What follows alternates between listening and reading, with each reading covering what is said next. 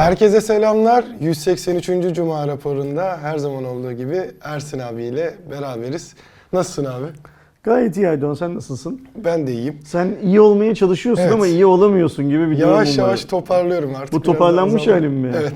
Allah daha çok toparlanmaya nasip etsin o zaman. Yani eee, birinci haftayı deviriyorsun hastalıkta Evet. öyle mi? Ne olur ne olmaz zaten şeyi de yaptım. Gidip hem hastaneye de gittim bir test de yaptırdım. Aman şu yeni omikron falan filan varken başıma iş almayayım diye. E, şeyde bir sıkıntı yok. Covid ile alakalı problem değil zaten klasik. Şey takıyor musun? Aşıların tam maskesi takıyor musun? Evet. iyi tamam güzel o zaman. Bu hafta çabuk geçti bana. Bana da öyle geldi. Ha ben ben ofiste yoktum iki gün. Bana o yüzden çabuk geçti. Sen de ben ofiste olmayınca sana çabuk geçiyor öyle mi? Yok genel olarak aslında hani niyeyse eee ne zaman cuma oldu diye bir düşündüm özellikle böyle dün eve gittiğimde ha dedim cuma raporunu var yarın. Onu düşünürken bile sanki ondan önceki gün pazartesiymiş gibiydi yani. Ee, ben bu hafta bir yani bir gün gidip ertesi gün döndüğüm İzmir e, seyahati yaptım Yıldıra ile birlikte. Evet. Ee, Adventure İstanbul takipçileri zaten biliyorlardı. Yıldıra yeni bir motor aldı, İzmir'den aldı. Ee, o yüzden o motoru teslim almak için gittik. İşte motoru aldık, döndük geldik. Ee, aslında İstanbul'dan alınacaktı o motor. Ama işte alem puşt olmuş şeyi var ya ne derler lafı var ya yani adamla el sıkışıyorsun kapora veriyorsun Ee, ama sana ertesi iş gününde telefon açıp abi işte şu kadar lira daha fazla para vereceksin diyor. Evet. Ee, ve bunu yapan kim? Kocaman Borusan'ın bir tane şeyi ne derler satış Yani temsilcisi. motosiklet Ee, tarafında. ama İzmir'deki adamın böyle bir derdi yok. Çünkü Yani- İzmir'deki adam iş ahlakı konusunda daha şey ne derler e, iyi anne babalar tarafından yetiştirilmiş. Orada da Özgürkey'den alındı. Özgürkey'den, Yani ikisi de aslında BMW'nin resmi satış Yani yeri. aynen öyle. Yani hani e, farklı farklı yerler değiller aslında. E, aynı şeyin organizmanın parçaları hepsi. Ama işte burada şöyle bir şey var. Birisi sevgisiz ortamda büyümüş. Büyük. İyi anne babalar tarafından yetiştirilmemiş. Öbürü çocukken sevmişler onu. Şey şefkat göstermişler. Çocukluğunu yaşamasına izin vermişler. O yüzden insan evladı olmuş. Öbürü de işte öyle bir çocuğu olmuş Cins yani olmuş. şey olarak, e, dert olarak. E, işin şey kısmı bir yana yani bizi ilgilendiren sorunlar kısmı bir yana. Bu örneği özellikle söyledim çünkü şey hmm, arkadaşlarımız da sosyal medyada işte dün fiyatına baktım 3000 liraydı şimdi 3200 lira bilmem ne falan diyorlar ya. Her şey için. de. Bu bir yandan da hayatın gerçeği yapabilecek bir şey yok. Yani e, buradaki esas sorun şu fırsatçılara şey yapmamak, kurban olmamak. Evet. Yani e, eğer bir şeyin fiyatı tüm pazarlarda artıyorsa e, onun artışının makul ve mantıklı bir nedeni varsa bunu kabul edeceksin. Yani kabul edeceksinden kastım o ürünü alacaksın ya da almayacaksın. Ama bir şeyin fiyatı suni olarak yükseltiliyorsa yani bu şeyde ne derler verdiğim örnekte olduğu gibi İstanbul'da başka fiyat, İzmir'de başka fiyata satılabiliyorsa herhangi bir şey o zaman orada bir şey var demektir. Ne derler? Ee, vurgunculuk var demektir. Evet. Fırsatçılık var demektir. İşte her zaman bu işlere Sanayi Bakanlığı yetişemiyor. Ticaret Bakanlığı yetişemiyor. Sen ee, şey yapacaksın. O adamın müşterisi olmayı bırakacaksın. Gerekiyorsa ta gideceksin İzmir'deki adamın müşterisi Bence olacaksın. de doğrusu. İşin ahlaki tarafı çünkü şey yapıyor, bunu gerektiriyor. Ee, dolardan molardan falan bahsetmeye gerek yok. Çünkü yani hani e, biz bu 9'a doğru olan yürüyüşü yani 8 küsürlerden 9,5 lira çıktığı dönemdeki o o ne kadar arttı dediğimiz zamanda da aynı şeyi söylüyorduk hatırlarsan. Ne diyorduk? Keşke 10 olsa ve dursa. Ama durdurmak için herhangi bir şey yapmadığın zaman durmayacak. Nitekim işte 10 olmasıyla 13 olması neredeyse iki hafta içinde Evet. şey yaptı gerçekleşti. Şimdi arkadaşların olaya şöyle bakmaları gerekiyor. Hepimizin böyle bakmamız gerekiyor. Biz iki hafta içinde %30 fakirleştik. Etrafımızdaki her şeyin fiyatı %30 artmak zorunda. Evet. Ha hükümet eğer şey yaparsa asgari ücrete %30'dan fazla zam yaparsa ne hala yani ne güzel. Ki onunla alakalı da şey yapmışlardı işte çok paylaşıldı geçen günlerde. Bu şimdi asgari ücret görüşmeleri başladı. Onun için dolar bazında e, zam yapılmaması için 5000 küsür lira olması gerekiyormuş şeyin asgari ücretin. Yani şimdi adı üstünde bu asgari ücret zaten Aydoğan yani en az e, gelir şeyi bu. Mesela biliyorsun hmm, bazı akademisyenler diyelim ülkelerin refah seviyelerini ülke nüfusunun yüzde kaçının asgari ücretle çalıştığıyla da ölçüyorlar. Ve bu yanlış bir parametre değil aslında bakarsan. Şimdi mesela hatırlarsan ben bundan bir süre önce Amerika'da en kötü ihtimalle işsiz kalan bir adam gidiyor Amazon'da paketleme işi yapıyor demiştim. Ee, Amerika'daki yaşayan bazı arkadaşlar da hede hüde filan diye yazmışlardı şeyin altına. Oradaki söylemim, söylememin nedeni şuydu. Eğer sen çalışmak istersen bir iş var yani evde oturup sokakta gezip dilencilik yapıp filan gibi bir derdin yoksa çalışmak niyetindeysen bir iş var. Ama tabii ki adam sana Amazon'da paketleme yaptırdığı zaman Ordinarius profesöre verdiği maaşı vermeyecek. Astronota verdiği maaşı vermeyecek yani. Ne yapacak? Asgari ücret verecek. Nerenin asgari ücretini verecek? Amerika'nın asgari ücretini verecek. Şu Amerika'da bazı insanlar asgari ücretle çalışmayı reddettikleri için, kabul etmedikleri için gidip başka işler yapıyorlar. Başka işlerden kastım işte sigortasız kuryecilik yapıyor, kuryelik yapıyor. Bisikletiyle sırtında bizim hammal dediğimiz formda Amazon'dan ya da başka bir yerden bir yerine eşya yüklüyor, götürüyor, dağıtıyor. Arada sırada bahşişi de var bilmem ne filan. İşte Uber Müber filan hikayeleri kısmen bu işin içine giriyor. Sonra bir şeyler alıp satanlar var çok fazla. Hani e, eyaletler arası ve aynı eyalette filan. Bu adamlar asgari ücretle çalışmayı şey yapıyorlar, kabul etmiyorlar.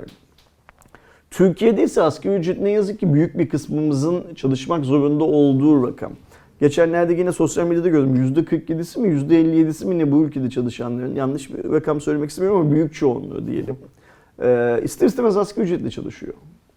Yani e, o yüzden asgari ücret önemli bir gösterge haline geliyor. Mesela şimdi nüfusun %5'i asgari ücretle çalışıyor olsa asgari ücret bizim için hiç önemli bir parametre olmayacak o Evet. zaman.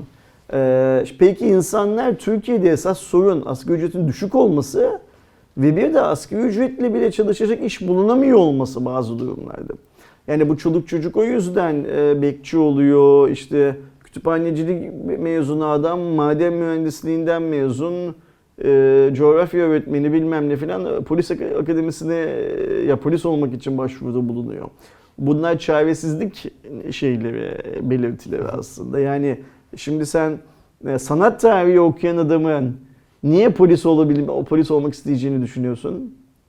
İşte şartlar. Yani adam sanat tarihi okumuş. Herif e, Rönesans'ın, reformun gerçekleştiği dönemleri hatmetmiş. Ama şimdi ne yapıyor? Ee, Şey bakıyor değil mi? Vatandaşlık numaranı söylediği eline tutuşturdukları cihazla e, sicil, adli sicil kaydı bakıyor sokakta milletin. Yani hani bunlar severek, isteyerek insanların yaptığını düşünmüyorum ben bu işlerin. Kesinlikle. Ee, büyük bir kısmı ya da arkadaşlarımızın. Ama işte ülkenin şartları bizi ne yazık ki buraya itiyor. Böyle olmak zorundayız. O yüzden de asgari ücret hayatımızda önemli bir gösterge haline geliyor. Ee, aslında gelmemeli, umursamamalıyız. Umumuzda olmamalı ama oluyor ne yazık ki. Şimdi dolar konusunda da lama cime gerek yok. Yani mesela şimdi yarın sabah yetişirse ben bir video çektim biliyorsun. Onu yayına alacağız inşallah. İnsanlar o videoyu izledikleri zaman kızacaklar bana. Diyecekler ki Ersin sen zamları savunuyorsun bilmem ne filan filan. Yo zamları savunmuyorum. Zamlardan ben de şikayetçiyim. Yani ayakları bu topraklarda yere basan herkesin şikayet etmesi gerekiyor zaten bu zamlardan. Kesinlikle. Yani cebinde 1 lira ya da cebinde 1 milyon lira olması önemli değil zamlardan rahatsızlık duymak için. Ayrıca şuna da çok eminim. Mesela en çok ne zamlanmış olsun Aydoğan? Diyelim ki şu çay zamlanmış olsun. Bu çayı da her Türk içiyor olsun. Ve bu çayı da sen yapıyor ol. Yani her gün buradan para kazanıyorsun. Ee, çay zamlandı. Bu demektir ki sen daha çok para kazanacaksın. Evet. Ama bu zamlardan senin bile mutlu olman mümkün değil aslında. Evet üretici de şey. Aynen öyle çünkü sen de şey modundasın. Lan o kadar zamlandı ki ya bu adamlar çay içmeyi bırakırlarsa ya daha az çay içerlerse. Öyle değil mi? Evet kesinlikle. Yani hani o yüzden bu olayın kimseye bir faydası yok. Bu olayı kimsenin e, savunması da mümkün değil. Hepimiz fakirleşiyoruz.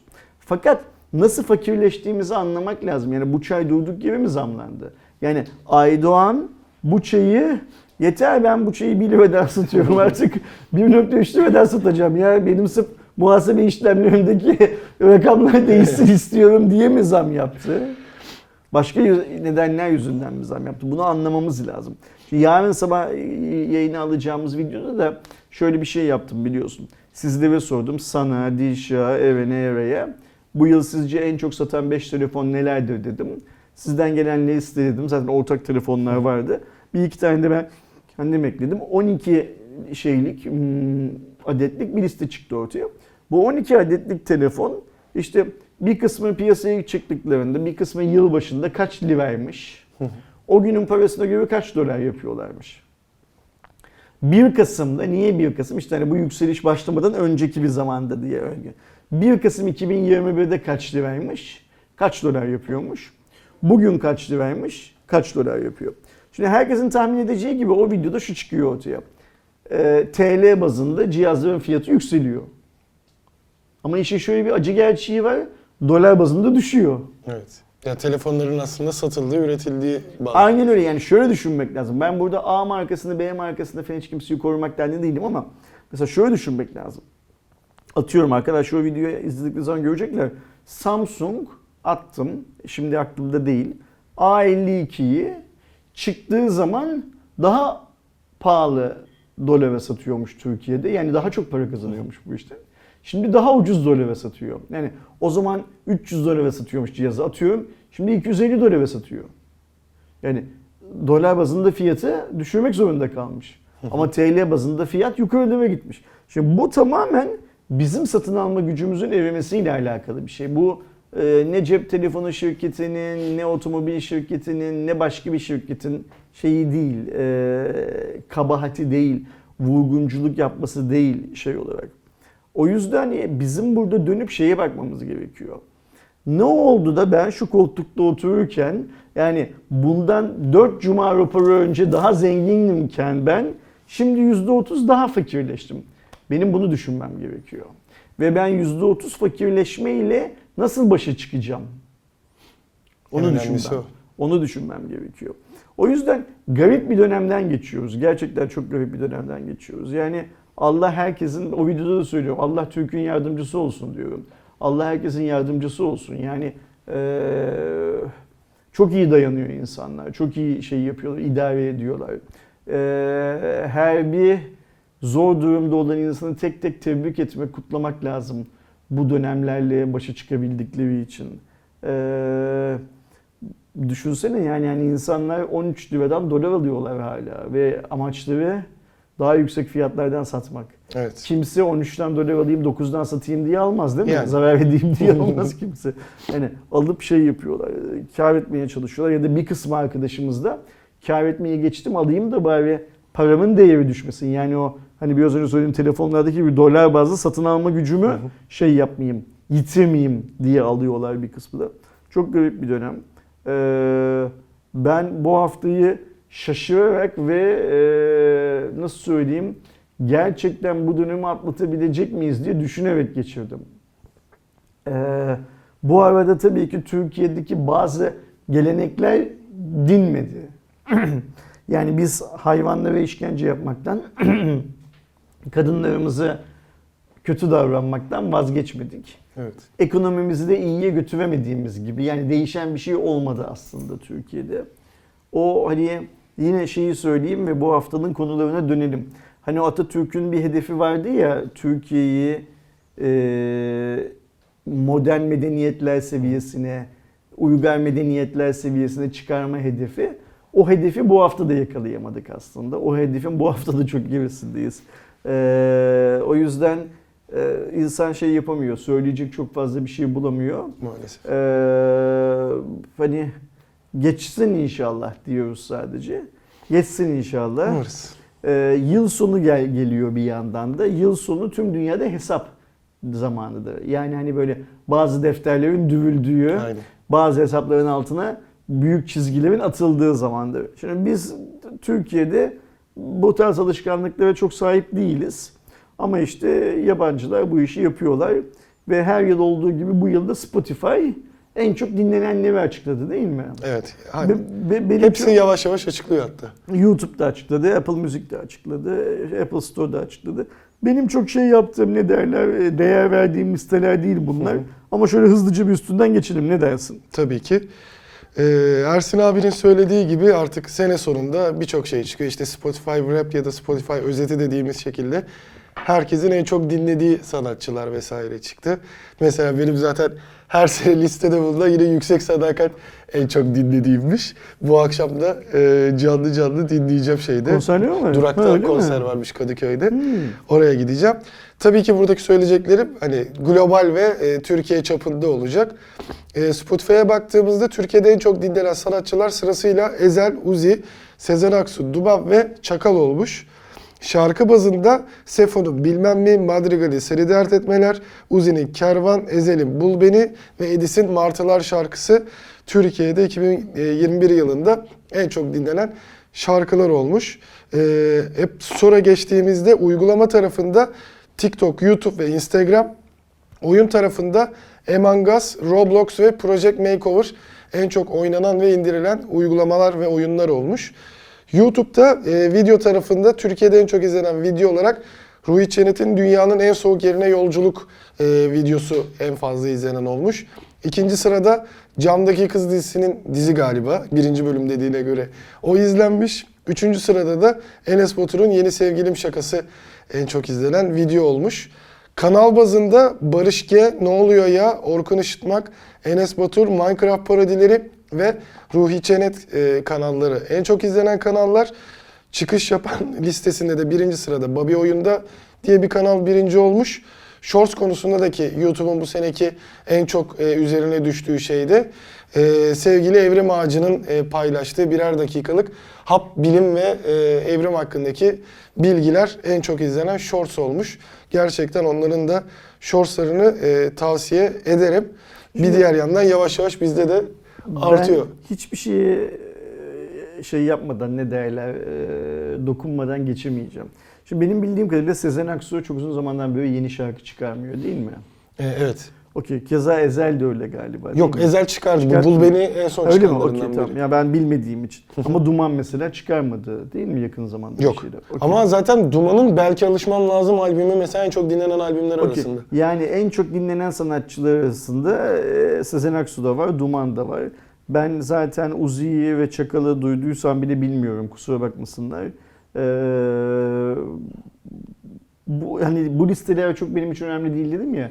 İşte bu yüzden bu, yüz- bu listeler benim için çok önemli. Sebebi ya bu şey demek değil. Sezen Aksu kötü sanatçı bilmem ne falan demek değil. Zaten Türkiye'de doğup büyüyüp Sezen Aksu kötü sanatçı diyecek adam Ki- herhalde yoktur Ee, şey anlamında. bir diğer yandan abi doğru hatırlıyorsam Ezel'in 4 senedir birinciliği değişmedi. O da Twitter'dan Yaklaşık gördüm. Çok güzel 4-5 bir, senedir de Sezen Aksu hep ilk 5'te yer çok alıyor. güzel bir paylaşım yapmış. Böyle ve tweet etmiş oradan gördüm. Şarkılara gelirsem ben bu Sefo'yu da e, pardon bilmem miyi de Karavan'ı da Bul Beni'yi de büyük bir ihtimalle dinlememişimdir. Ama şu Madrigal'ın Seni Dert Etmelerini çok severek dinliyordum. Hı hı. Hatta onu kimin söylediğini falan da bilmiyordum. Bir Ben gün senin şeyde, story'inde evet. görünce, duyunca Aydo kim söylüyor bu şarkıyı falan diye sordum sana. En azından son 2-3 yıldan beri ilk kez bir tane bildiğim şarkı var yani o anlamda söylüyorum. Edison martılarına ise maruz kalmayan Türkiye'de kimse yoktur. Yok, genel olarak ihtimalle. evet şeyde de Yani YouTube'da da hani- müzik kanadının en çoklarından biri. Ee, ne yazık ki duyma e, organı iyi çalışmayan arkadaşlarımız bile Edison martılarına mutlaka maruz kalmışlardır. Ben de maruz kaldım. Oradan şey yapıyorum. Onu, o şarkıyı da biliyorum. Ee, şimdi uygulama konusunda da şöyle bir şey var. En çok indirilen uygulamanın TikTok olduğu bir e, şeyde dönemde yaşıyoruz. Arkadaşlar bunu unutmasınlar. Yani bu çok güzel bir parametre. Dünyanın nereye gittiği konusunda çok çok güzel bir Google'da parametre. açıkladığında çok büyük ihtimalle şeyde de Android kanadında da şey olacak. Tabii TikTok ki olacak. büyük, büyük bir ihtimalle öyledir. Yani dünyada en çok indirilen uygulama TikTok'ken e, hani bilim, işte ekonomi, mantık, ıvır zıvır filan konuşmak çok saçma zaten. Yani hepimizin böyle şey yapması lazım. Benim gördüğüm kadarıyla işte benim buradan böyle saçma sapan sana doğru hareket etmem lazım. Senin bana doğru hareket etmen gerekiyor filan. Çünkü eğer şeyse e, TikTok çağı, çağı yaşanıyorsa ki öyle anlaşılıyor. Maalesef. O zaman böyle olması gerekiyor. Ayrıca mesela Türkiye'ye geldiğimde eee, şimdi ben bu Enes Batur denilen arkadaşı dayısıyla yaptığı küfürlü videolardan tanıyorum. Onun öncesinden çok fazla bilmiyorum. Yeni sevgilim şakası Türkiye'de en çok izlenilen videolardan birisi olmuş değil mi? Ee, Bu da şeyi gösteriyor. Türk insanının e, ne durumda olduğunu, YouTube Türkiye'nin ne durumda olduğunu bence çok çok güzel gösteriyor. Kanal olarak da e, yine kendisi var. Mesela Minecraft parodileri diye bir şey var, kanal var. Türkiye'de en çok izlenilen kanallar arasında. Nedir yani hani Yani Ma- Minecraft zaten etkisi hiçbir zaman geçmiyor. Yani benim de mesela baktığım Barış G'yi hiç bilmiyordum. ben Duymadım bile. konu söylemiyorum bile çünkü evet bilmiyorum. Hani Ben oyun kanalı bir- galiba. Ben iyi bir YouTube kadarıyla. izleyicisi değilim bu arada. Arkadaşlarımız kusura bakmasın Tabii, ama birine en, Oyun oyuncu mu? şey, PUBG yayınları var. E, PUBG'da bir birinci oluyor. Ha. Yani şey olarak bir popülerlik. Anladım. buradaki umut vadeden tek şey Evrim Ağacı'nın shortsları olmuş. Kesinlikle. Yani hani eee, en azından zihin açıcı demeyelim de insanları bir şeyi sorgulamaya, bir şeyleri öğretmeye yönelik bir tavrı olduğu için Evrim Ağacı'nın shortsları koca bu liste arasında benim için eee, şeyden sonra neydi adı? Madrigal mıydı? Evet. grubun adı. Okey Madrigal'ın seni dert etmelerinden sonraki tek sevindirici şey olmuş. Umarım arkadaşlarımız yani bu kadar çevin çöpün içinde Evrim Ağacı'nın shortslarını görüyorlardır ve arada sırada o shortslardan belki çok küçük de olsa bir şey öğreniyorlardır. Belki de telefonu kapatıp şöyle kafalarını yastığa koydukları zaman o gördükleri şeyle ilgili iki dakika bir şey düşünüp ya ben şu konuyu bir araştırayım, yarın şuna bir, bir saat ayırayım, bir okuyayım bilmem ne filan filan diyorlardır. Umarım. Yoksa- Çünkü kendi sitelerinde de çok fazla içerik var ve son dönemde de daha yakın geçmişti. 1 milyonu aştı Evrim Ağacı kanalı. Yoksa geri kalanı, listenin geri kalanı çerden, çöpten, TikTok'tan filan ibaret. Aynen, ya da kı- klasik TikTok değişmez. jenerasyonunun başka saçmalıklarından ibaret. Başka bir şey yok. Maalesef ki. Hani o konuda gerçekten şey konusunda, Evrim Ağacı konusunda sevindirici bir şey.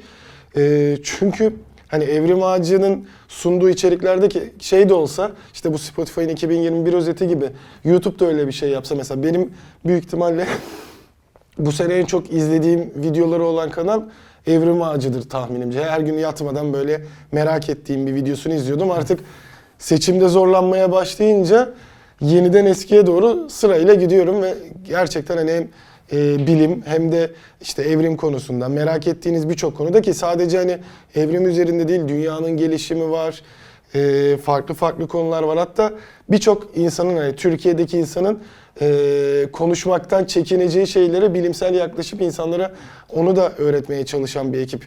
Çağrı Mert Bakırcı ve ekibi.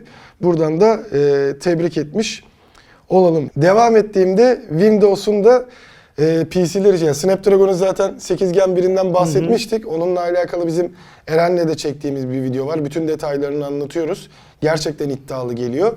Ama buradaki ayırdığım şey daha çok Windows PC'ler için de e, işlemcilerini bayağı güçlendirmeye başladı Snapdragon kanadı. Daha öncesinde Chromebook gibi daha basit cihazlara e, işlemci vermişti Qualcomm. Şimdi ise biraz daha güçlendiğini görüyoruz ve tabii ki isimlendirmesi yine yeni nesil isimlendirme. Örneğin 8CX Gen 3 ve e, 7C Plus Gen 3 adında iki tane e, laptoplara yönelik işlemcileri var. Tabii ki 8CX Gen 3 daha e, güçlü bir işlemci ve laptop kanadının ilk 5 nanometre sürecinden geçen bir Yonga site olacak. Ve geçen nesle göre %85 daha iyi çoklu çekirdek performansı, %60 da daha iyi grafik performansı geliyor. Burada işte AMD'nin ve e, Intel'in işte mesela Iris'li vesaire hani ekstra grafik birimi olmayan, dahili grafik birimi olan işlemcilerine e, fazlasıyla rakip olacak gibi.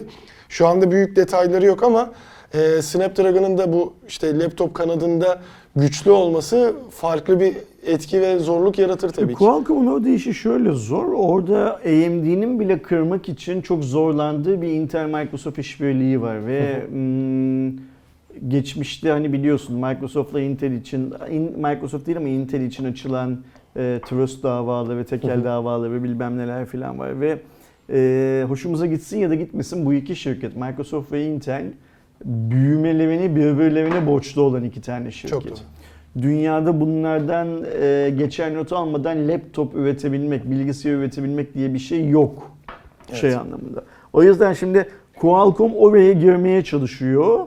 Ve bu girme işlemini de bana soracak olursan e, iyi yönetiyor. Yani iyi yönetiyordan kastım çok dillendirmiyor, çok konuşmuyor. Böyle muazzam satış hedefleri, agresiflik falan bir şey yok.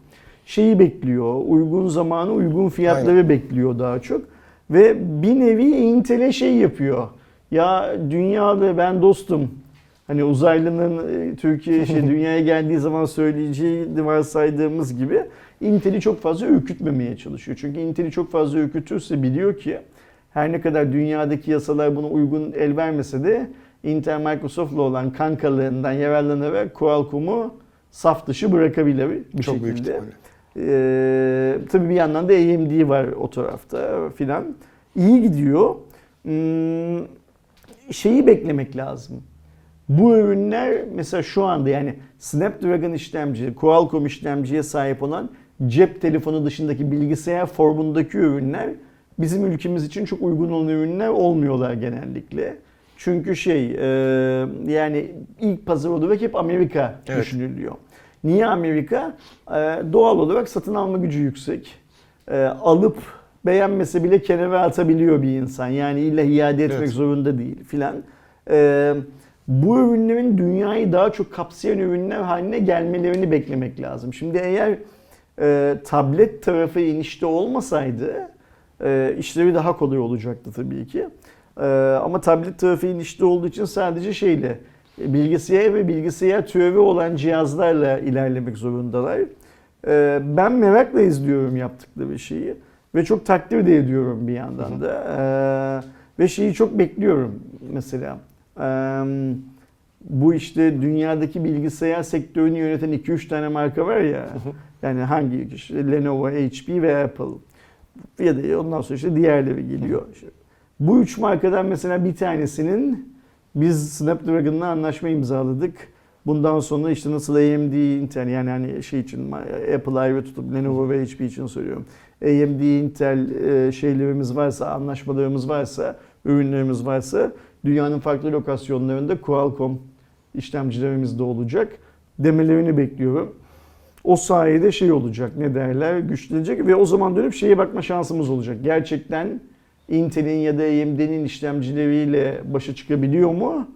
Hem de fiyat anlamında onların neresinde kalıyor. Evet, Çünkü yani- her şey orada bitiyor. Dünya için de her şey orada bitiyor. Ya şeyde şu ana kadarki Qualcomm işlemcili laptoplara baktığımızda hep işte dediğim gibi Chromebook gibi gerçekten Amerika içinde çok ucuz ya da uygun fiyatlı işte genellikle Chromebook'ları ilkokul öğrencilerinde falan kullanıldığını görürüz ki genellikle eğitim odaklıdır onlarda. Ee, bu açıdan baktığımızda belki e, Türkiye'de de görülebilir bu bu fiyatları düşündüğümüzde daha uygun fiyatlı e, ürünlerin de olması açısından diyorum ama şeyi de görmek lazım işte Qualcomm'un ne yapacağı. Çünkü işte e, 5 nanometre sürecinde bir laptop işlemcisi üretmek güzel bir başarı, önemli bir başarı.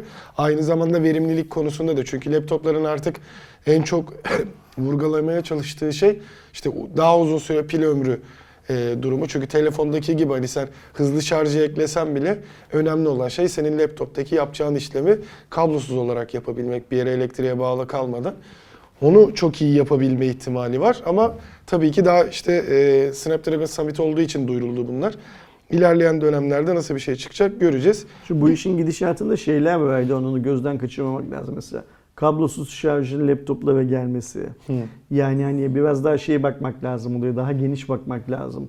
Çünkü Snapdragon Qualcomm'un elinde bunun altyapısı var hala hazırda. Yani telefonlarda kullanıyor. Ikea filan gibi şeylerin, markaların hani hep diyoruz ya bu adamlar hazır kablosuz şarj ünitelerine sahip masalar yayını çıkartacaklar piyasaya.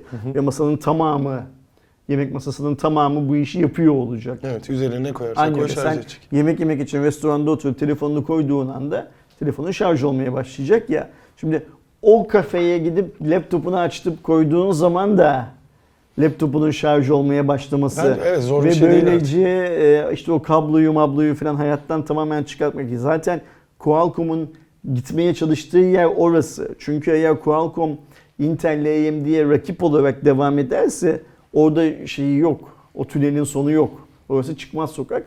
E, bunları göreceğiz. İşte bir sonraki Qualcomm Summit'te büyük bir ihtimalle bu söylediğimin örneklerini göreceğiz.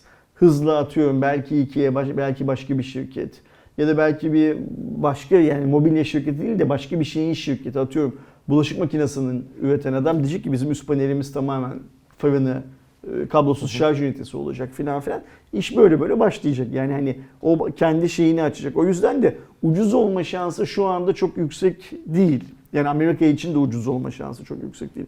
Chromebook başka bir hikaye. Chromebook şey çıtır çerez. Yani Aynen. bizim Türkiye'de işte ebeveynlerin ucuz tablet alıp çocukların eline vermesi gibi bir şey Amerika'da. Yani al Chromebook'u ver öğrenciye kullansın. Bir yerde bozulursa da yenisini alır tekrar verirsin derdinde filan bir şey. Bakalım göreceğiz ne olacak, Qualcomm'un ne yapacağı. Tabi yaptığı şeyin de pazarda ne kadar kabul göreceği. O da çok çok önemli. Hepsini zamanla şahit oluruz. Allah ömür versin. Görelim. Öyle. Şimdi de gelelim Honor kanadına. Hangi Honor bu?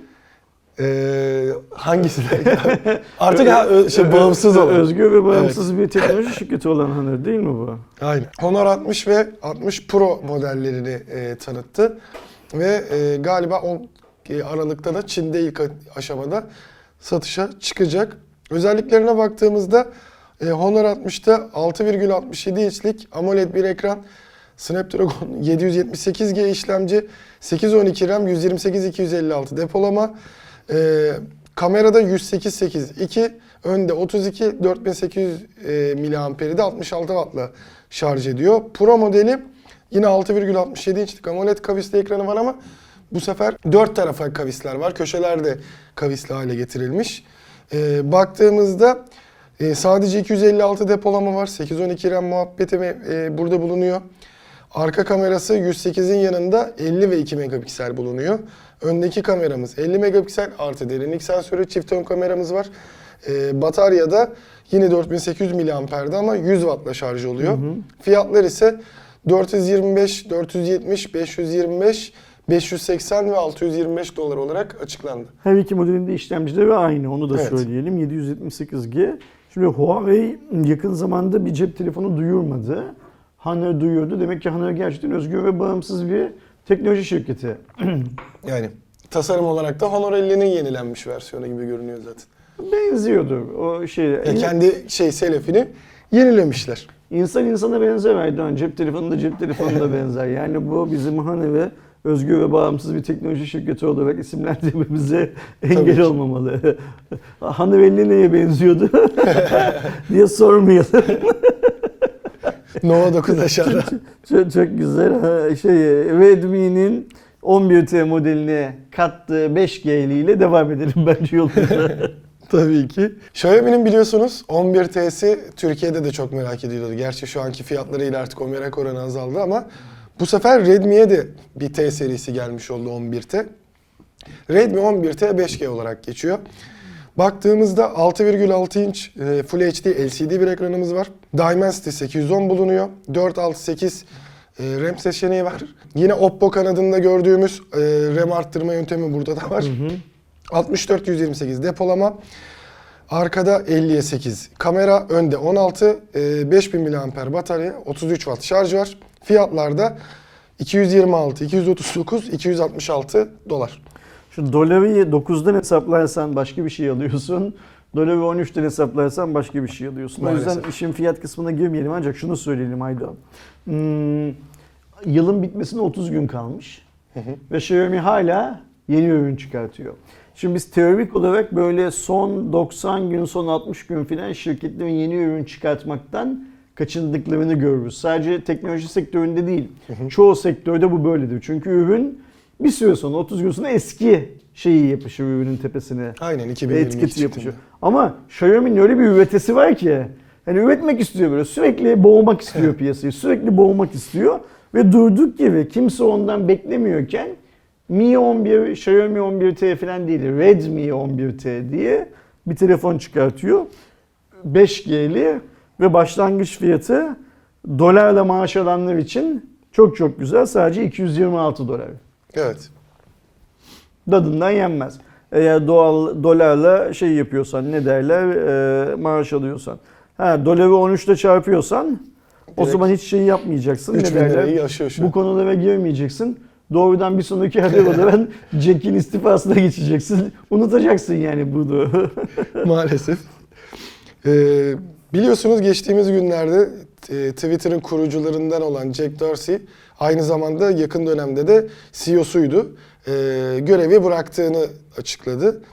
Ee, Evan Williams'la birlikte kurmuştu zaten e, Twitter'ı ve 2015'ten bu yana yani yaklaşık 6 senedir e, Twitter'ın da başındaydı aynı zamanda. Şimdi oradan ayrılarak e, Square'deki CEO'luğuna devam edecek ki zaten iki farklı yerde CEO olması da eleştiriliyordu. Bir diğer yandan da yeni nesil işte kripto dünyasına e, yatırımlar yapmak için de bıraktığı konuşuluyor Jack'in. Şimdi Jack işte istifa mektubunu e, Twitter çalışanlarıyla paylaştığı zaman mektubun sonunda bu mektubun aynısını Twitter'da da paylaşacağım yani halka açıkta paylaşacağım diye bir not düşmüştü. Ve şirketten niye yönetim kurulu üyesi olarak falan kalmadığını açıklarken mektupta şey diyor. Yeni yönetimin başında olmamak için diyor. Yani hani sanki bir şekilde yeni yönetimi denetliyormuş falan gibi bir hal almasın diye ve yeni CEO'yu ve e, o yeni CEO'nun kuracağı yönetim sistemini tamamen özgür bırakmak için diyor. E, bu şey bir adım tabii, cesur bir adım tabii ki. Jack Türkiye'de çok sevilen bir şey değil ne derler insan değil. En azından nüfusun büyük bir çoğunluğu galiba %53'ü falan Jack'i sevmiyor. Yani hani kabataslak öyle bir şey durum var.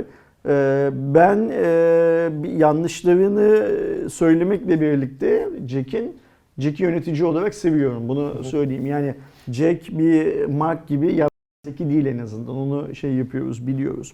E Şimdi Square'de ne yapacak? Onunla ilgili bir şey yok. Çünkü bugüne kadar Square ile ilgili çok fazla açıklama yapmadı e, şey anlamında.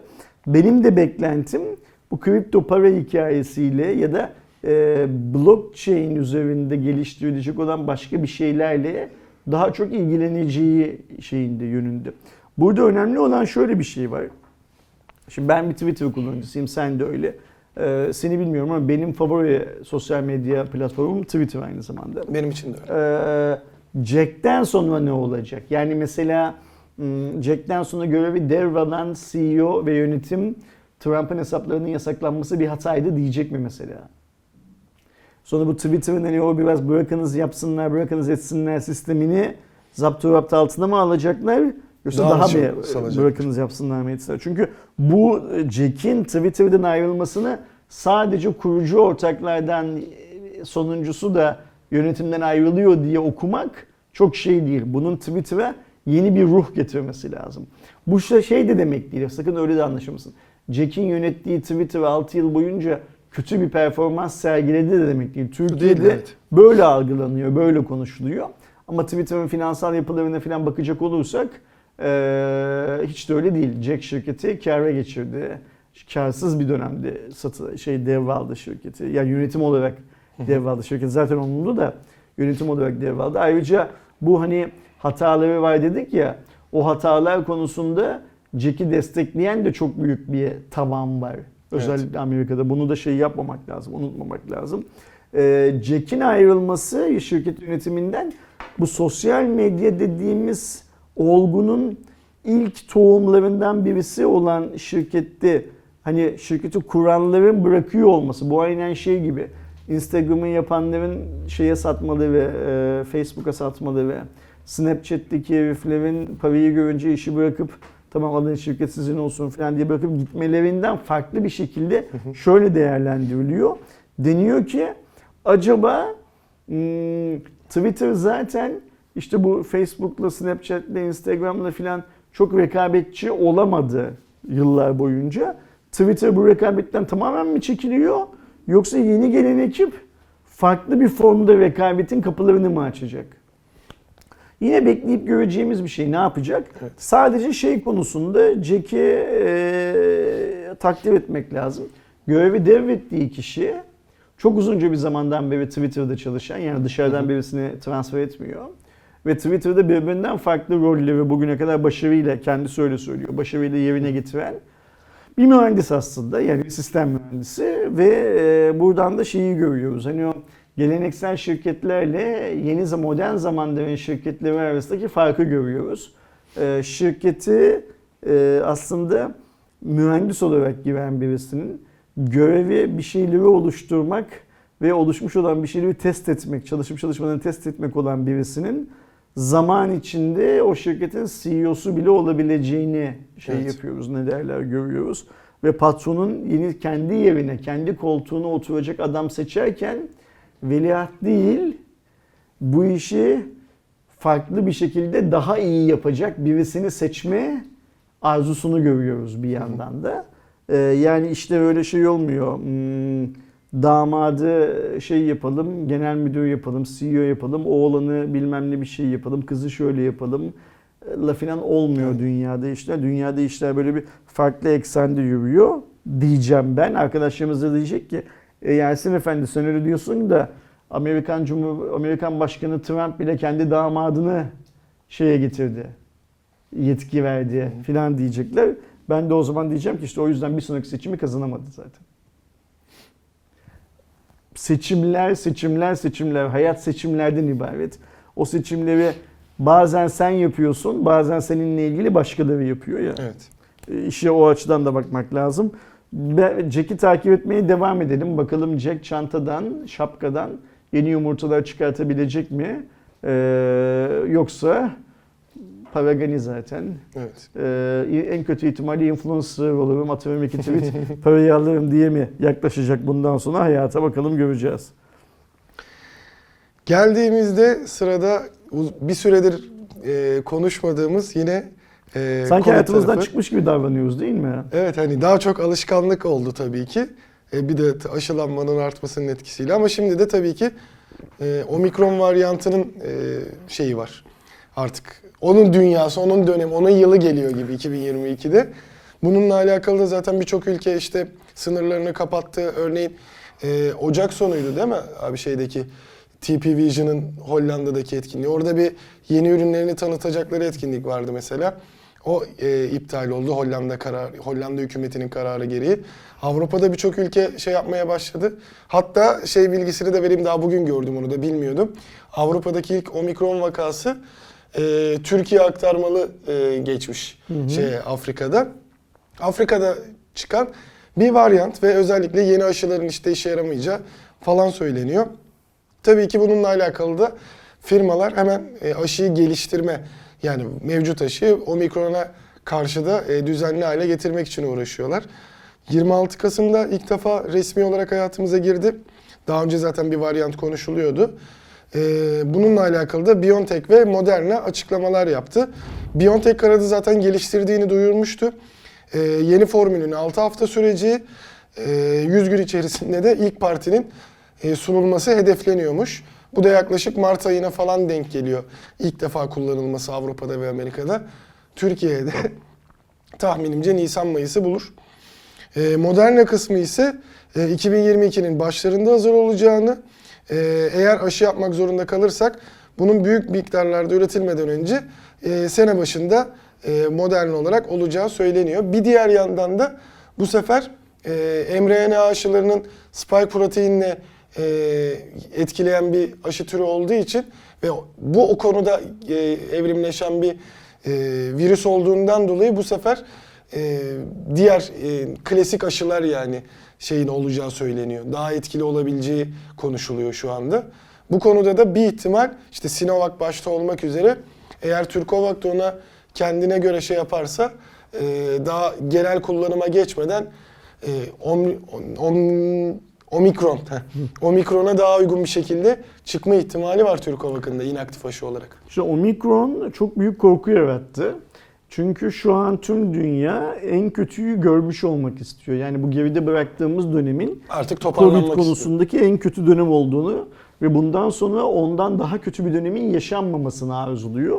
Omikron ilk verdiği sinyallerde daha kötüyü yaşatabilecekmiş gibi bir şey verdi. Bir de tabii panik olmak çok kolay. Yani düşünsene Türkiye'de bile hala biz konuşmuyoruz ama her gün bir yiyen insanımız Evet. vefat ediyor. Dünyanın her yerinde bir yiyen insan vefat ediyor. Ee, ne yazık ki düz dünyacılar e, dünyanın düz olduğu konusundaki iddialarına devam ediyorlar filan bir yandan da.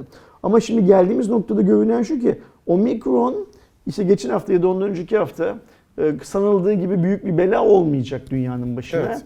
Yani bugüne kadarki diğer varyantların e, atlatıldığı şekliyle atlatılacaklar. İyi haber aşıyı geliştiren şirketler de zaten Omikron'a da etkili aşıları üretebileceklerinin duyurusunu yaptılar. Bu çok güzel bir şey. Şu buradan yola çıkarak şeye bakalım Aydoğan. Kaç zamandan beri bakmıyorduk. Şu Sağlık Bakanlığı'nın Covid-19 aşısı bilgilendirme platformuna bakalım. Şu anda ikinci doz uygulanan kişi sayısı 50 milyon 571 bin 697. Neredeyse durmuş aslında bayağı. Yani aynen öyle. Ee, o ivme süper azalmış durumda ve 50 milyon bizim 100 milyon olduğumuzu düşünürsek %50. Yani her iki kişiden biri sokakta hala aşı olmamış durumda. Ee, işin kötüsü birinci doz olan insanların sayısında da çok büyük bir şey yok, gelişme yok. Yani orada da 56 milyon 300 binde Evet. kalmışız.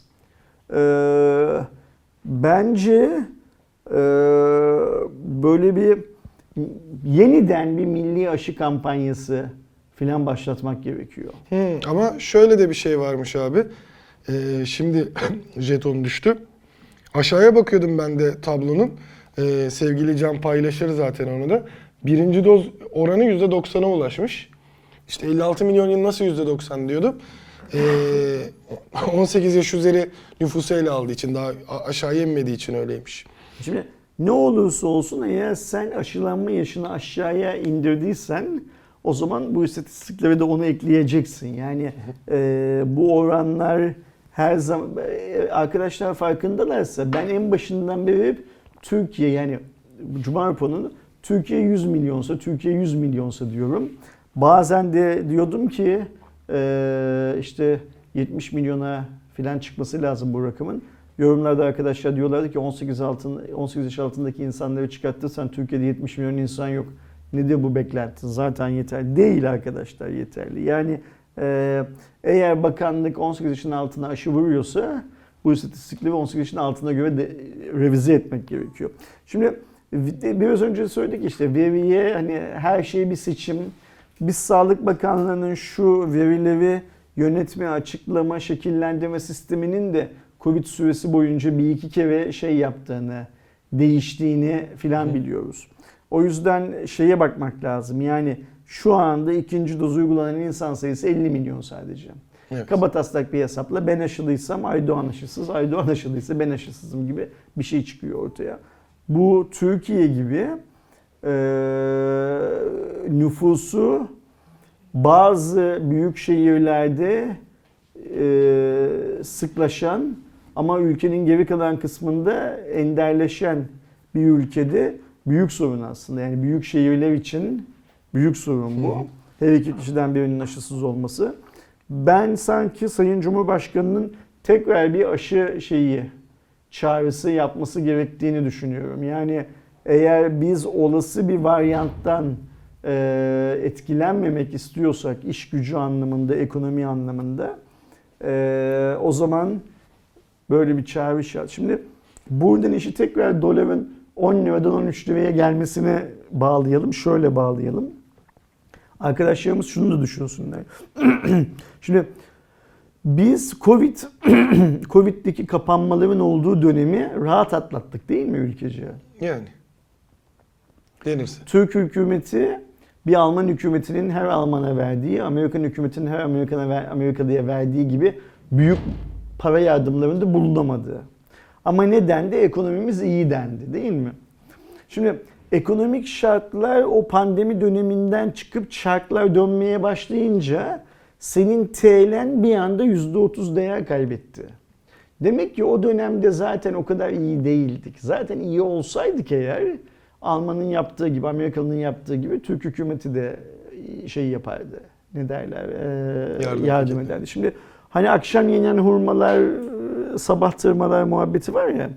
Bunlar böyle bir süreç, uçuca gelen bir süreç. Yani biz aşılanma, hastalıktan korunma konularında çok iyi aksiyon alamadığımız için üretim sistemlerimiz günlerce boş kaldığı için herhangi bir şey üretemediğimiz ve günlerce tükettiğimiz için bunun bedelini 1 TL'nin pardon 1 doların 13 lira olması şeklinde ödedik zaten. sonraki varyantlarda benzer durumlarla karşılaşmamak için yani 13 lira olan doların 15 lira 20 lira olmaması için bu 50 milyonluk ikinci doz aşılanma sayısını bir an önce minimum 70-75 milyon lira çıkarmamız gerekiyor. Kesinlikle. Ve e, aşılama konusunda daha doğrusu Covid'den korunma konusunda e, dünyanın en iyi önlemlerini almak zorundayız. Niye dünyanın en iyi önlemlerini, en sert önlemlerini almak zorundayız? Bak şimdi bizim burada büyük başarıyla bahsettiğimiz İsrail, Yeni Zelanda, Avustralya gibi ülkeler bile şu an tekrar e, Covid'le mücadele aşamasına geldi. İsrail ne yapmıştı? Sınırları kapatmıştı. Evet. Herkes maskeleri çıkartıp atmıştı. Sınırlar açıldığı anda sızıyor içeriye bu. Hatırlıyor musun bu felaketin ilk başlarında Özgür Demirtaş şey demişti. Tüm dünya ortak bir şekilde bir süreliğine kapanma yapamadığı sürece ben bu işte çok başarılı bir aksiyon alınabileceğini düşünmüyorum demişti. Şimdi geldiğimiz nokta Özgür Hoca'nın bu fikrinin aslında doğru olduğunu da gösteriyor bize. Yani sen bu virüsün kafasını bir coğrafyada eziyorsun. O başka bir coğrafyadan çıkıp senin ezdiğin coğrafyaya tekrar geriye geliyor filan gibi bir dert var. Ve tüm dünyadaki ülkelere zarar veriyor bu. Sadece Türkiye değil. Ancak Türkiye'nin ekonomisi çok kırılgan. Yani Amerika aldığı zararı şey yapabiliyor. Hmm, Şöyle anlatalım arkadaş anlasın hadi. Amerika dediğimiz otomobilin tamponu çok kuvvetli. Aldığı darbeyi observe edebiliyor. İngiltere, Almanya keza öyle. Yerin altından petrol çıkan Arap ülkeleri öyle zaten. Onlar dert değil. Ama Türkiye'nin otomobilinin tamponu e, çok kuvvetli değil. Darbeyi aldığı zaman sürücünün olduğu yere kadar hasar görüyor araba. Ve biz bu hasarı doların 10 liradan 13 liraya çıkması şeklinde şey yapıyoruz, algılıyoruz aslında. Ee, şunu deme lüksümüz yok. E ne yapalım Amerika'da mücadele edemiyor, İngiltere'de mücadele edemiyor deme lüksümüz yok. Hem jeopo, e, jeolojik olarak bir geçiş bölgesi olduğumuz için hem şu anda hmm, bunu bir nefret söylemi olarak arkadaşlar algılamasınlar ama kısa bir süre öncesine kadar ülkenin sınırlarından elini kolunu sallayan herkesin geçip sığınmacı olabildiği için hem zaten hala hazırda beslediğimiz düz dünyacıların e, ikna edilememesi filan filan nedeniyle riskli bir şeydeyiz, durumdayız. Ve tek gücümüz ne yazık ki her yıl verimliliği azalan üretim gücümüz. Bu verimliliğin bir de Covid nedeniyle azalması işte bizi bugün yaşadığımız tarzda 10 lirayken hop 13 liralara falan götürüyor. Ee, insanlar lütfen e, evet Covid öldürüyor ama bir de Covid'in süründürdüğü durumlar var. Covid- Covid'in süründürmesi ne demek? İşte 10 liraya olan doların 13 liraya çıkması, Aynen 8 liraya olan 7,5 lira olan doların 13 liraya çıkması filan gibi. Yani öldürüyor ve süründürüyor ve e, bizim bundan korunmamız gerekiyor. Ölmemek ve sürünmemek için. E, Covid'i unutmamamız gerekiyor. Covid'i unuttuğumuz zaman ne yapıyoruz? Maske takmıyoruz. Evet. Maske takmamız lazım. Covid'i unuttuğumuz zaman ne yapıyoruz? Mesafeye, hijyene önem göstermiyoruz. Mesafeye, hijyene önem göstermemiz lazım. Şimdi arkadaşlarım şunu bilmeleri lazım. Mesela işte Aydoğan biraz önce dedi ki ben hani hastayım videonun başında. Aydo hasta olduğu için hastaneye gittiğinde Covid testi de yaptırdı. Yani e, niye yaptırdı Aydoğan Covid testini? Gönüllü olarak yaptırdın. Aynen. Burada 10 kişi 15 kişi bir arada çalışıyoruz. Eğer aynen o biraz önce söylediğim gibi biz virüsün başını burada ezdik. Burada virüs yok bizim şirkette. Ama dışarıda bir yerde filizlenip Aydoğan aracılığıyla gelirse bizim burada da olacak Aynen. şey. Peki bizim burada virüs olduğu zaman ne olacak? Bizim üretim gücümüz azalacak. Değil mi? Bir hafta, 10 gün, 10 gün, 15 gün. Üretim gücümüz azaldığı zaman para kazanamayacağız. Para kazanmadığımız zaman maaş ödemeli ve vergi ödemeli ve işte filan filan gibi konularda sorun yaşayacağız. Ne olacak bunun sonucunda? Belki çalışan sayımızı azaltmak zorunda kalacağız. Belki hiç kıvıramayacağız, iflas etmek zorunda kalacağız. Şimdi bu verdiğim HVP örneğinden yola çıkarak Türkiye örneğini düşünsün arkadaşlarımız. Ve o yüzden aşılamanın, maskenin, mesafenin, hijyenin ne kadar önemli olduğunu kendi kafalarında bir kez daha tartsınlar. Mesela ben şeyler görüyorum, çok şaşırıyorum. Anne baba aşılı, ortaokula giden çocuk için aşılı ve açtı bakanlık. Çocuk aşı olmak istemiyor mesela evde. Niye? Aşı öldürüyormuş bilmem ne filan gibi muhabbetler var. Anne baba bu görüşün tamamen zıttı olması gerektiğini söylüyor. Çocuk aşı olmuyor. Çocuk her gün okula gidiyor. Başka çocuklarla bir yerde eve geliyor bilmem ne filan filan. Yani bu konu da çok zor bir konu. Ee, ölmemek ve sürünmemek en azından Covid'den ölmemek veya Covid nedeniyle sürünmemek kısmen bizim elimizde. Evet ilahi adalet, alın yazısı filan bunların hepsi okey cepte ama insan kendi zekasıyla ve kendi iş gücüyle bazı şeyleri değiştirebiliyorsa eğer değiştirme fırsatı bu fırsat. Evet. Kesinlikle. Okey. O yüzden lütfen hala aşı olmayan arkadaşlarımız varsa aşı olsunlar, düşünmesinler bile. Koşu koşu gidip aşı olsunlar. Hatta Ee, üçüncüleri de başladı zaten. aynen Üçüncü öyle. geldiğinde de Üçüncü yıl sırası geldiğinde 6 ay, ikinciden sonraki 6 aylık süre geçtiğinde ben bekliyorum. Üç- üçüncü işin ışık yanar yanmaz hemen bir sağlık ocağına gidip üçüncü aşımı da olacağım. Hangi varyant, hangi bilmem ne benim için çok da şey değil, önemli değil. E, hatırlarsa arkadaşlarımız yine ben bu aşıların ilk çıktığı dönemde aslında aşı olma fikrine çok da sıcak değilim demiş birisiyim.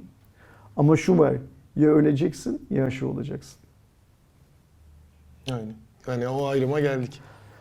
o ilkokula, ortaokula giden çocuk annesi diyormuş ki ama 20 yıl sonra ne olacak filan. 20 yıl sonra 20 yıl sonra düşüneceksin artık. Bugün ölmemekte, bugün ölmemek üzere kodlanman gerekiyor. Haydi kapatalım bu konuyu da. Tatsız başka bir konuya da devam edelim Cuma raporuna. Şimdi Kardata'nın paylaştığı rakamlara göre zaten işte e, videonun başında da konuştuk E, sürekli fiyatlar yansıyor artıyor diye. Ama işin garip tarafı otomobil tarafında son 10 günde %20'lik bir fiyat artışı olmuş. Gerçekten böyle dolar kuru gibi ne zaman bir fiyat listesine baksanız otomobil fiyatları artıyor. Bir de hani bunlar işte yüz binlerce TL'lerden bahsettiğimiz için orada oranı daha iyi görüyorsun. İşte telefonda 500 bin lira falan oluyor ya da değişiyor tabii ki. Ama otomobilde şu an mesela sıfır alınabilecek 200 bin TL'nin altında araç kalmadı. Ee, verilere Hayırlı olsun vatana milleti. kesinlikle ve e, yılbaşından bu yana da %50'lik bir artışı geçmiş. Verilere göre A, B, C ve D segmentlerinde fiyat ortalaması e, 401-333 TL idi. E, şimdi ise 512.446 TL'ye yükselmiş. E, ve bu ay bu 11 aylık dönemde fiyatların %28 oranında artışı anlamına geliyor. Ve e, işte son 10 gündeki %20 oranındaki artışta tabii ki çok büyük ihtimalle ikinci eldeki fiyatlandırmaları da hemen tavana çıkartacak gibi e, bir şey var. Hani 11 ayınkine yakın bir değeri son 10 günde yaşadık. Yani şimdi 10 günde %20, e 15-20 günde de dolar %30 arttı. E, o zaten onları o %10'luk artışı ilk başta yansıtmışlardı. Üzerine bu %20'yi yansıttılar. E, işte yarınki video diyorum. Yani yarın yayınlayacağımız video ile aynı şey bu. Ucuz mu? Değil. Yükseliyor mu? Yükseliyor. Yükseliş haksız mı? E o da değil. Haklı. Yani hani adamların yapacak bir şeyi yok. E, anlaman gereken şey sen artık standart bir Türk insanı olarak otomobil, cep telefonu bilmem ne filan peşinde koşmayacaksın. Yani bir sonuç o. Zaten yani bir de sen yataktan her gün daha fakir kalkıyorken artık koşmayacaksın bu işin peşinden. Evet. Bırakacaksın bu sevdaları. yani şey yapıyor musun? Doların, TL'nin daha değerlenmesi için herhangi bir şey yapıyor musun? Yapmıyorsun. Tamam geçelim. Adam tabii ki dün de bu otomobilleri döviz bazlı satıyordu. Değişen bir şey yoktu ki. evet. Dün de cep telefonları ve tabletler, bilgisayarlar döviz bazlı satılıyordu. Değişen. Mesela şunu mu bekliyoruz biz? Yani mesela böyle mi olsun diyoruz. Mesela atıyorum adamın örnek verelim Apple'ın Amerika'da 1000 dolara sattığı cihazı Türkiye'de 5000 liraya satmasını mı bekliyoruz? İmkansız. Tabii burada şeyin de ekstradan etkisi oluyor. Fiyatlar dolar bazında işte TL bazında diyelim artık arttıkça örneğin otomobillerde hangi şeydi daha dün Eren'le beraber konuşuyorduk. Bir modelde ilk dediğim işte geçen haftaki fiyatı şeyken e, 200 binken bir anda 400 bine çıkıyor. Bunun sebebi de vergi dilimi atlamış oluyor yeni gelen zamla beraber. Telefonlarda da öyle. Hani Şu anda örneğin yine 11T, 11T Pro örneğini vereyim. 11T 7500, e, 11T Pro 8500 olarak açıklanmıştı. Şu anda 8500'e 11T alınabiliyor. 11.000 liraya 11T alınabiliyor. Buradaki sebep de işte e, dolar bazında fiyatı arttığında haliyle vergi oranı da orada ekstradan yükseldiği için Yükseliyor. Hatırlarsın 11T lansmanında bir tane Xiaomi yetkilisiyle konuştuk. Doların 10 liraya o zamanlar 9 civarlarındaydı. Evet. 9,5 falan da 10 liraya gitmeyeceğini, 9,5'tan aşağıya döneceğini düşünerek fiyatlandırma yaptık demişti. Ben de bunu bir videoda söylemiştim. Demek ki adamların iyi niyetliyken dolar kötü niyetli davrandı. Çıktı gitti. Şimdi bu verdiğin örnekten de yola çıkarak şunu söyleyebiliriz. Bunu yapan Apple mı? Değil. Bunu yapan işte Toyota mı, Honda mı, BMW mi? Değil. Yani e, tepkiyi yanlış yere heh, e, sen verdiğin paranın ne kadarının nereye gittiğini de hesaplayacaksın be kardeşim. Yani e, bu şimdi Apple Türkiye'de pahalı satıyor demekle olmuyor bu işler. Bak bakın arkadaşlar çok net söylüyorum. Telefonlar çok pahalı. Bilgisayarlar çok pahalı. Dün 50 bin liralık bir bilgisayar gördüm. Dişan en son incelediği 58 bin lira. 58 mesela. bin liraymış. Yani e, şimdi buna kalkıp ucuz demek mümkün değil. 50 bin lira. Burada şuna bakacaksınız. Türkiye'de bu 50 bin liralık bilgisayarı kim alıyor? Mesela Aydoğan alıyor diyelim ki. Aydoğan'ın babası zengin. Alıyor. Ama İngiltere'de bu 50 bin liralık bilgisayarı üniversite öğrencisi alıyor. Yani e, evet pahalı. Ucuz değil en azından.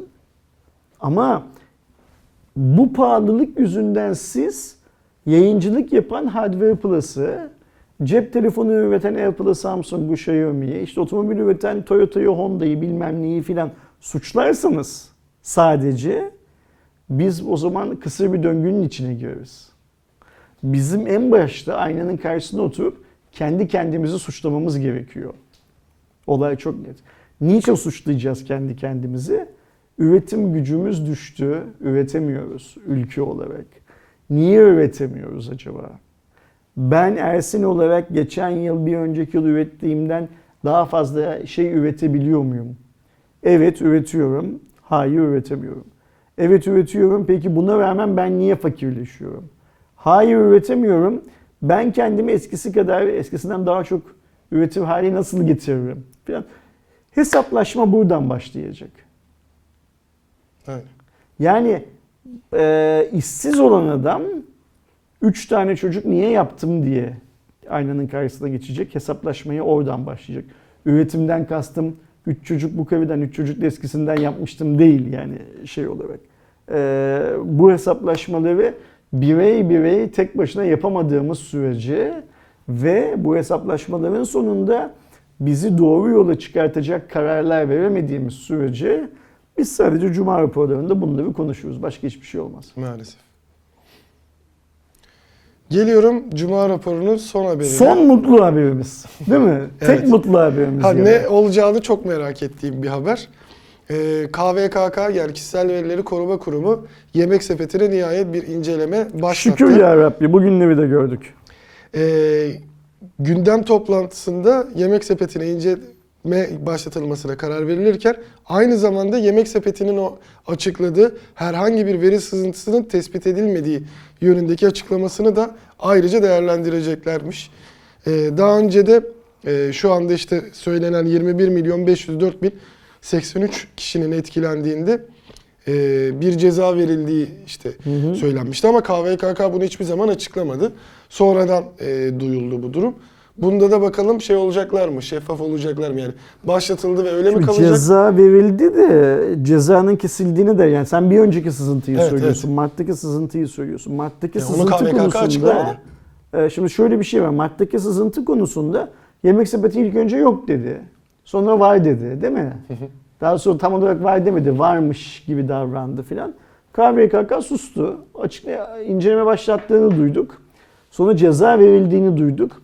Ama şunu da biliyoruz ki yemek sepetinde çalışan arkadaşlarımızdan duyduğumuz kadarıyla o ceza yemek sepetine tebliğ edilmemiş. Yani yemek sepeti o cezayı ödememiş daha. Yani cezanın kesildiği de yemek sepetine tebliğ edilmiş. Bak şimdi biz bunu daha önce Cuma raporlarında konuştuk. Nereye gidiyor bu para? Alınıyor mu alınmıyor mu filan diye hatırlıyor musun konuştuğumuzu? Yani sen istediğin kadar ceza kes. Cezayı tebliğ etmez. Mesela aynı şey e, Google'da da geçerli. Rekabet Kurumu Google'a ceza kesti. Hani nerede o ceza? Ne kadar ödendi?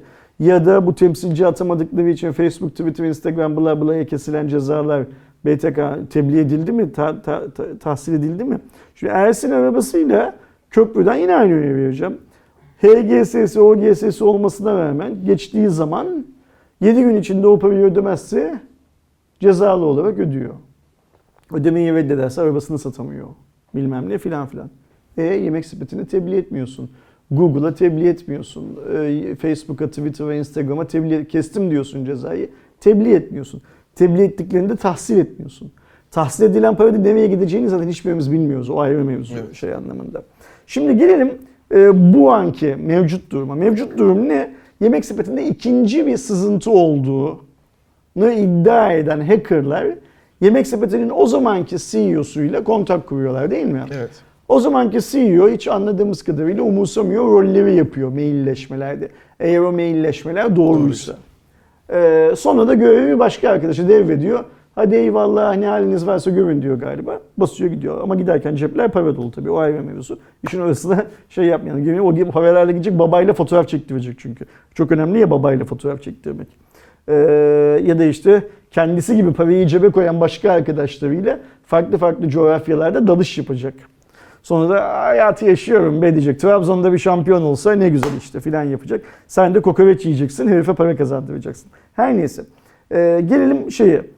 Ee, hackerlar parayı alamadıkları zamanda bazı insanları seçerek onlara bizde yeni bir sızıntı var ve yemek sepeti bu işi kapatmak için bize para vermiyor.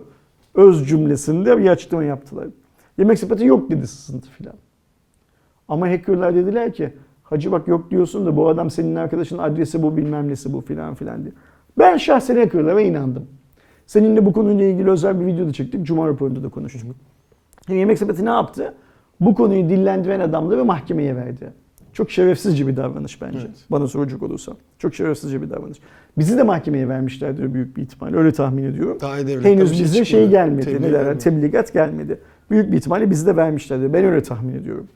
Ee, herhangi bir şirketin profesyonel anlamda mesleği yayıncılık olmasa bile bu son yaşadığımız örnekteki hackerların ikna ediliciliğine inanarak böyle böyle bir şey olmuş olabilir mi diye sorgulayan hiç kimseyi mahkemeye vermesinin mantıklı olmadığını düşünüyorum. Bunu söyleyelim. Bu bir. İkincisi hiçbir şirketin profesyonel olarak mesleği yayıncılık olan, gazetecilik olan herhangi birisini mahkemeye vermemesi gerektiğini düşünüyorum. Çünkü şöyle bir şey var. İşimiz iletişim deniliyor ya. Senin şirketinde iletişimden ilgili, ilgili insanlar var. Onların iletişerek bu sorunları çözmeleri gerekiyor. Bak mesela Yemek Sepeti'nin yeni CEO'sunun adını unuttum bile. Hiçbir zaman Nevzat gibi adı bilinen bir adam olmayacak. Sırf bu mahkeme hikayesi yüzünden. Ve sana bir şey söyleyeyim. Şu anda Yemek Sepeti'nin en üst tepe yöneticilerinin tamamı bir buçuk iki yıl sonra işsiz kalacaklar. Amerikalı bunların hiçbirisini tutmayacak şeyde, görevde. Bunlar biz yayıncıları mahkemeyi veriyoruz dedikleri zaman Amerika bunları yapın yapın doğru ne biliyorsunuz onu yapın demiştir büyük bir ihtimalle. Ama bu adamların hiçbirisini görevde tutmayacak. Biz şunu biliyoruz zaten. Uzunca bir zamandan beri yemek sepetinin içinde bir yemek sepetinin kendi orijinal yönetim kadrosu yani Nevzat'ın kurduğu yönetim kadrosu bir de onlara alternatif başka bir yeni yönetim kadrosu kuruluyordu zaten. O yönetim kadrosunu da şirket satın alan Amerikalılar kuruyorlardı. Amaç neydi? Bununla bu zaman içinde yer değiştirecekti. Burada kalması gerekenler kalacak, gitmesi gerekenler gönderilip onların yerine tamamen Amerikalıların yöneteceği bir şirket haline getirilecek diye sepeti. Bu hedef devam ediyor. Burada değişen bir şey yok. Ancak şöyle bir şey var. Ee, veri çaldırırsan, gazeteciyi mahkemeye verirsen seni orada tutmazlar abi. Sen bundan sonra da yemek sepeti gibi bir şirket bulamazsın çalışacak. Aynen Samsung'dan ayrılıp işsiz kalanlar gibi işsiz kalırsın sen de. Aynen LG'den ayrılıp işsiz kalanlar gibi işsiz kalırsın sen de. İş bu kadar basit. Kimi mahkemeye verdikleri önemli değil. Şöyle bir iş konusunda yemek sepetinin yapması gereken tek şey ya biz temiziz diyecek ama dediler de biz temiziz bir uluslararası standartlardaki denetim şirketlerinin aldıkları raporla açıklayacaklar. Kadıköy metrosundaki zorbada kadınlardan davacı olmuş durma yemek sepetinin hikayesi. Aynı şey. O eli bıçaklı hıyar iki tane kadından davacı olmuş ya. Yemek sepeti de şu anda o hıyar pozisyonunda. O eli bıçaklı adam pozisyonunda. İş bu kadar basit. Bunun başka lamıcımı hiçbir şey yok. Ve makul ve mantıklı olan herkesin yemek sepeti uygulamalarını silmesi, yemek sepeti hesaplarını kapatması gerekiyor. Ne diyorum ya köşedeki lahmacuncudan lahmacun söylerken araya yemek sepetini koyuyorsan ne yapıyorsun sadece biliyor musun? Nevzat gitsin babayla fotoğraf çekiliyorsun. Babaya senin paranı versin. Nevzat gitsin Kızıldeniz'de de dalsın. Arkadaşlarıyla birlikte şey yapsın. Bir de Trabzon şampiyon olsun diye uğraşıyorsun. Başka hiçbir iş yapmıyorsun. Ee, bir de üstüne üstlük ne yapıyor? Yemek sepeti herhangi bir ihmal yüzünden senin verini kaybediyor. Üstüne üstlük. Şimdi kişisel verileri koruma kurulu benim gördüğüm kadarıyla ilk kez vatandaştan yana tavır takınıyor. Bildiğimiz kadarıyla da kendi kendine bir inceleme başlatıyor. Ya Rabbi şükür demek lazım bu Evet. duruma. Sağ olsunlar. Bir görevi Bir varmış. an önce sonuçlandırması, bir an önce açıklaması, eğer bir ihlal varsa bir an önce ceza pulunu yapıştırması, tahsilat makbuzunu da paylaşması gerekiyor. Evet. İnandırıcı olabilmesi için. Kesinlikle. Yoksa ben bu cezayı kestim diyeceksin. Yemek sepeti diyecek ki bize tebliğ bile edilmedi o ceza. Nedir yani? Hani eee, biz Türkiye'de verilerimizin ilgili kurum tarafından korunup korunmadığının denetlenmesini istiyoruz. Yani KVKK sadece eee, sorun olduğu zaman devreye girmemeli. KVKK bu işin rutin olarak denetlenmesini de sağlamalı. Yine aynı şeyi söyleyeceğim. Bakın bu yemek sepeti veri ihlali videosunda da söyledim. Biz finans şirketlerimizin yani bankaların, gayrimenkul yatırım şirketlerinin filan veri kaybı. Burada bakın sakın BTC Türk'ü kastettiğimi sanmasın. BTC Türk de çaldıydı. Bankaların veri çaldırmadığına şahit olmuyoruz Aydoğan çok uzun zamandan beri Türkiye'de. Evet. Ama yemek sepeti bilmem ne filan gibi şirketler çaldırıyor. E bu yemek sepeti bilmem ne bak 21 milyon diyor müşteri var diyor burada diyor. KVKK'nın kendi raporunda. Hangi bankanın 21 milyon müşterisi var Türkiye'de? O zaman yemek sepeti filan gibi şirketlerde banka standartlarında güvenlik koymak zorunda, kurmak zorunda kalacaklar. Evet bence de.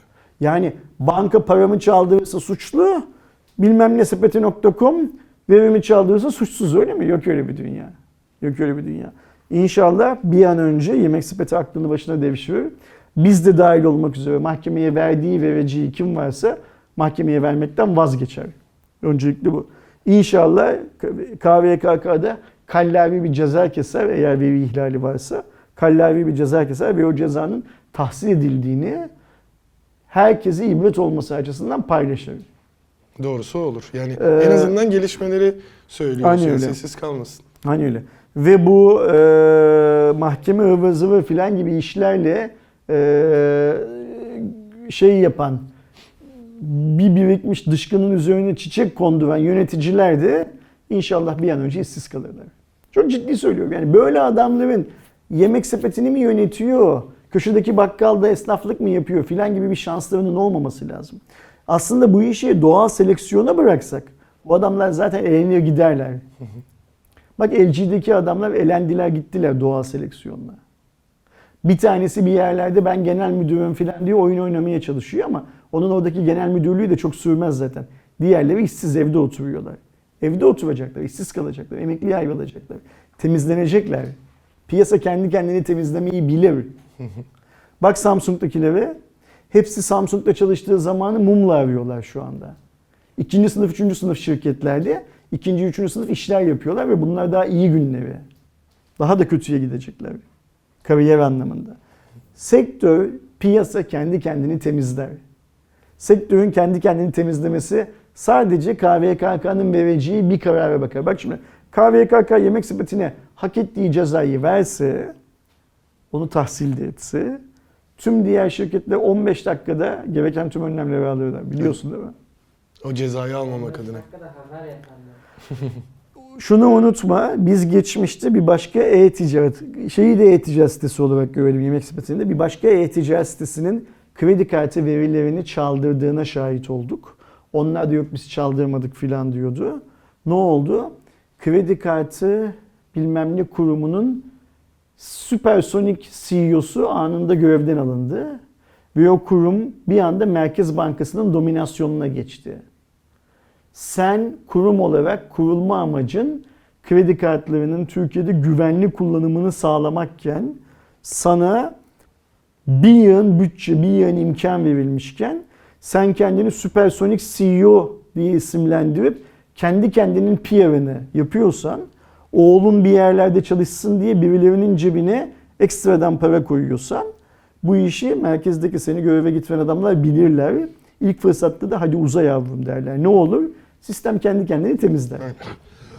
Sistemin kendi kendini temizlediği örneklerine biz geçmişte şahit olduk. İnşallah bu yemek sepeti KVK flörtü sonunda da yine sistemin kendi kendini temizleyeceği bir örnek çıkar. Bakın arkadaşlar her sistem kendi kendini temizler. Sistemi oluşturan bireyler yeter ki temizlik istesinler. Siz de toplumun bir parçası olarak toplumun kendi kendini temizlemesinde tek tek tek tek tek birer hücresiniz. Eğer toplumun kendi kendini temizlemesi konusunda kararlıysanız toplum kendi kendini temizler. İş bu kadar basit. Böyle bitirelim mi Cuma raporunu? Tabii ki. 183. Cuma raporunun sonuna geldik. Haber olarak şeyimiz azdı, haber sayımız azdı. Kusura bakmasın arkadaşlar. Ee, Aydoğan biraz hasta. Ee, ben de Aydoğan'ın bana mikrop bulaştırması yüzünden biraz tedirginim.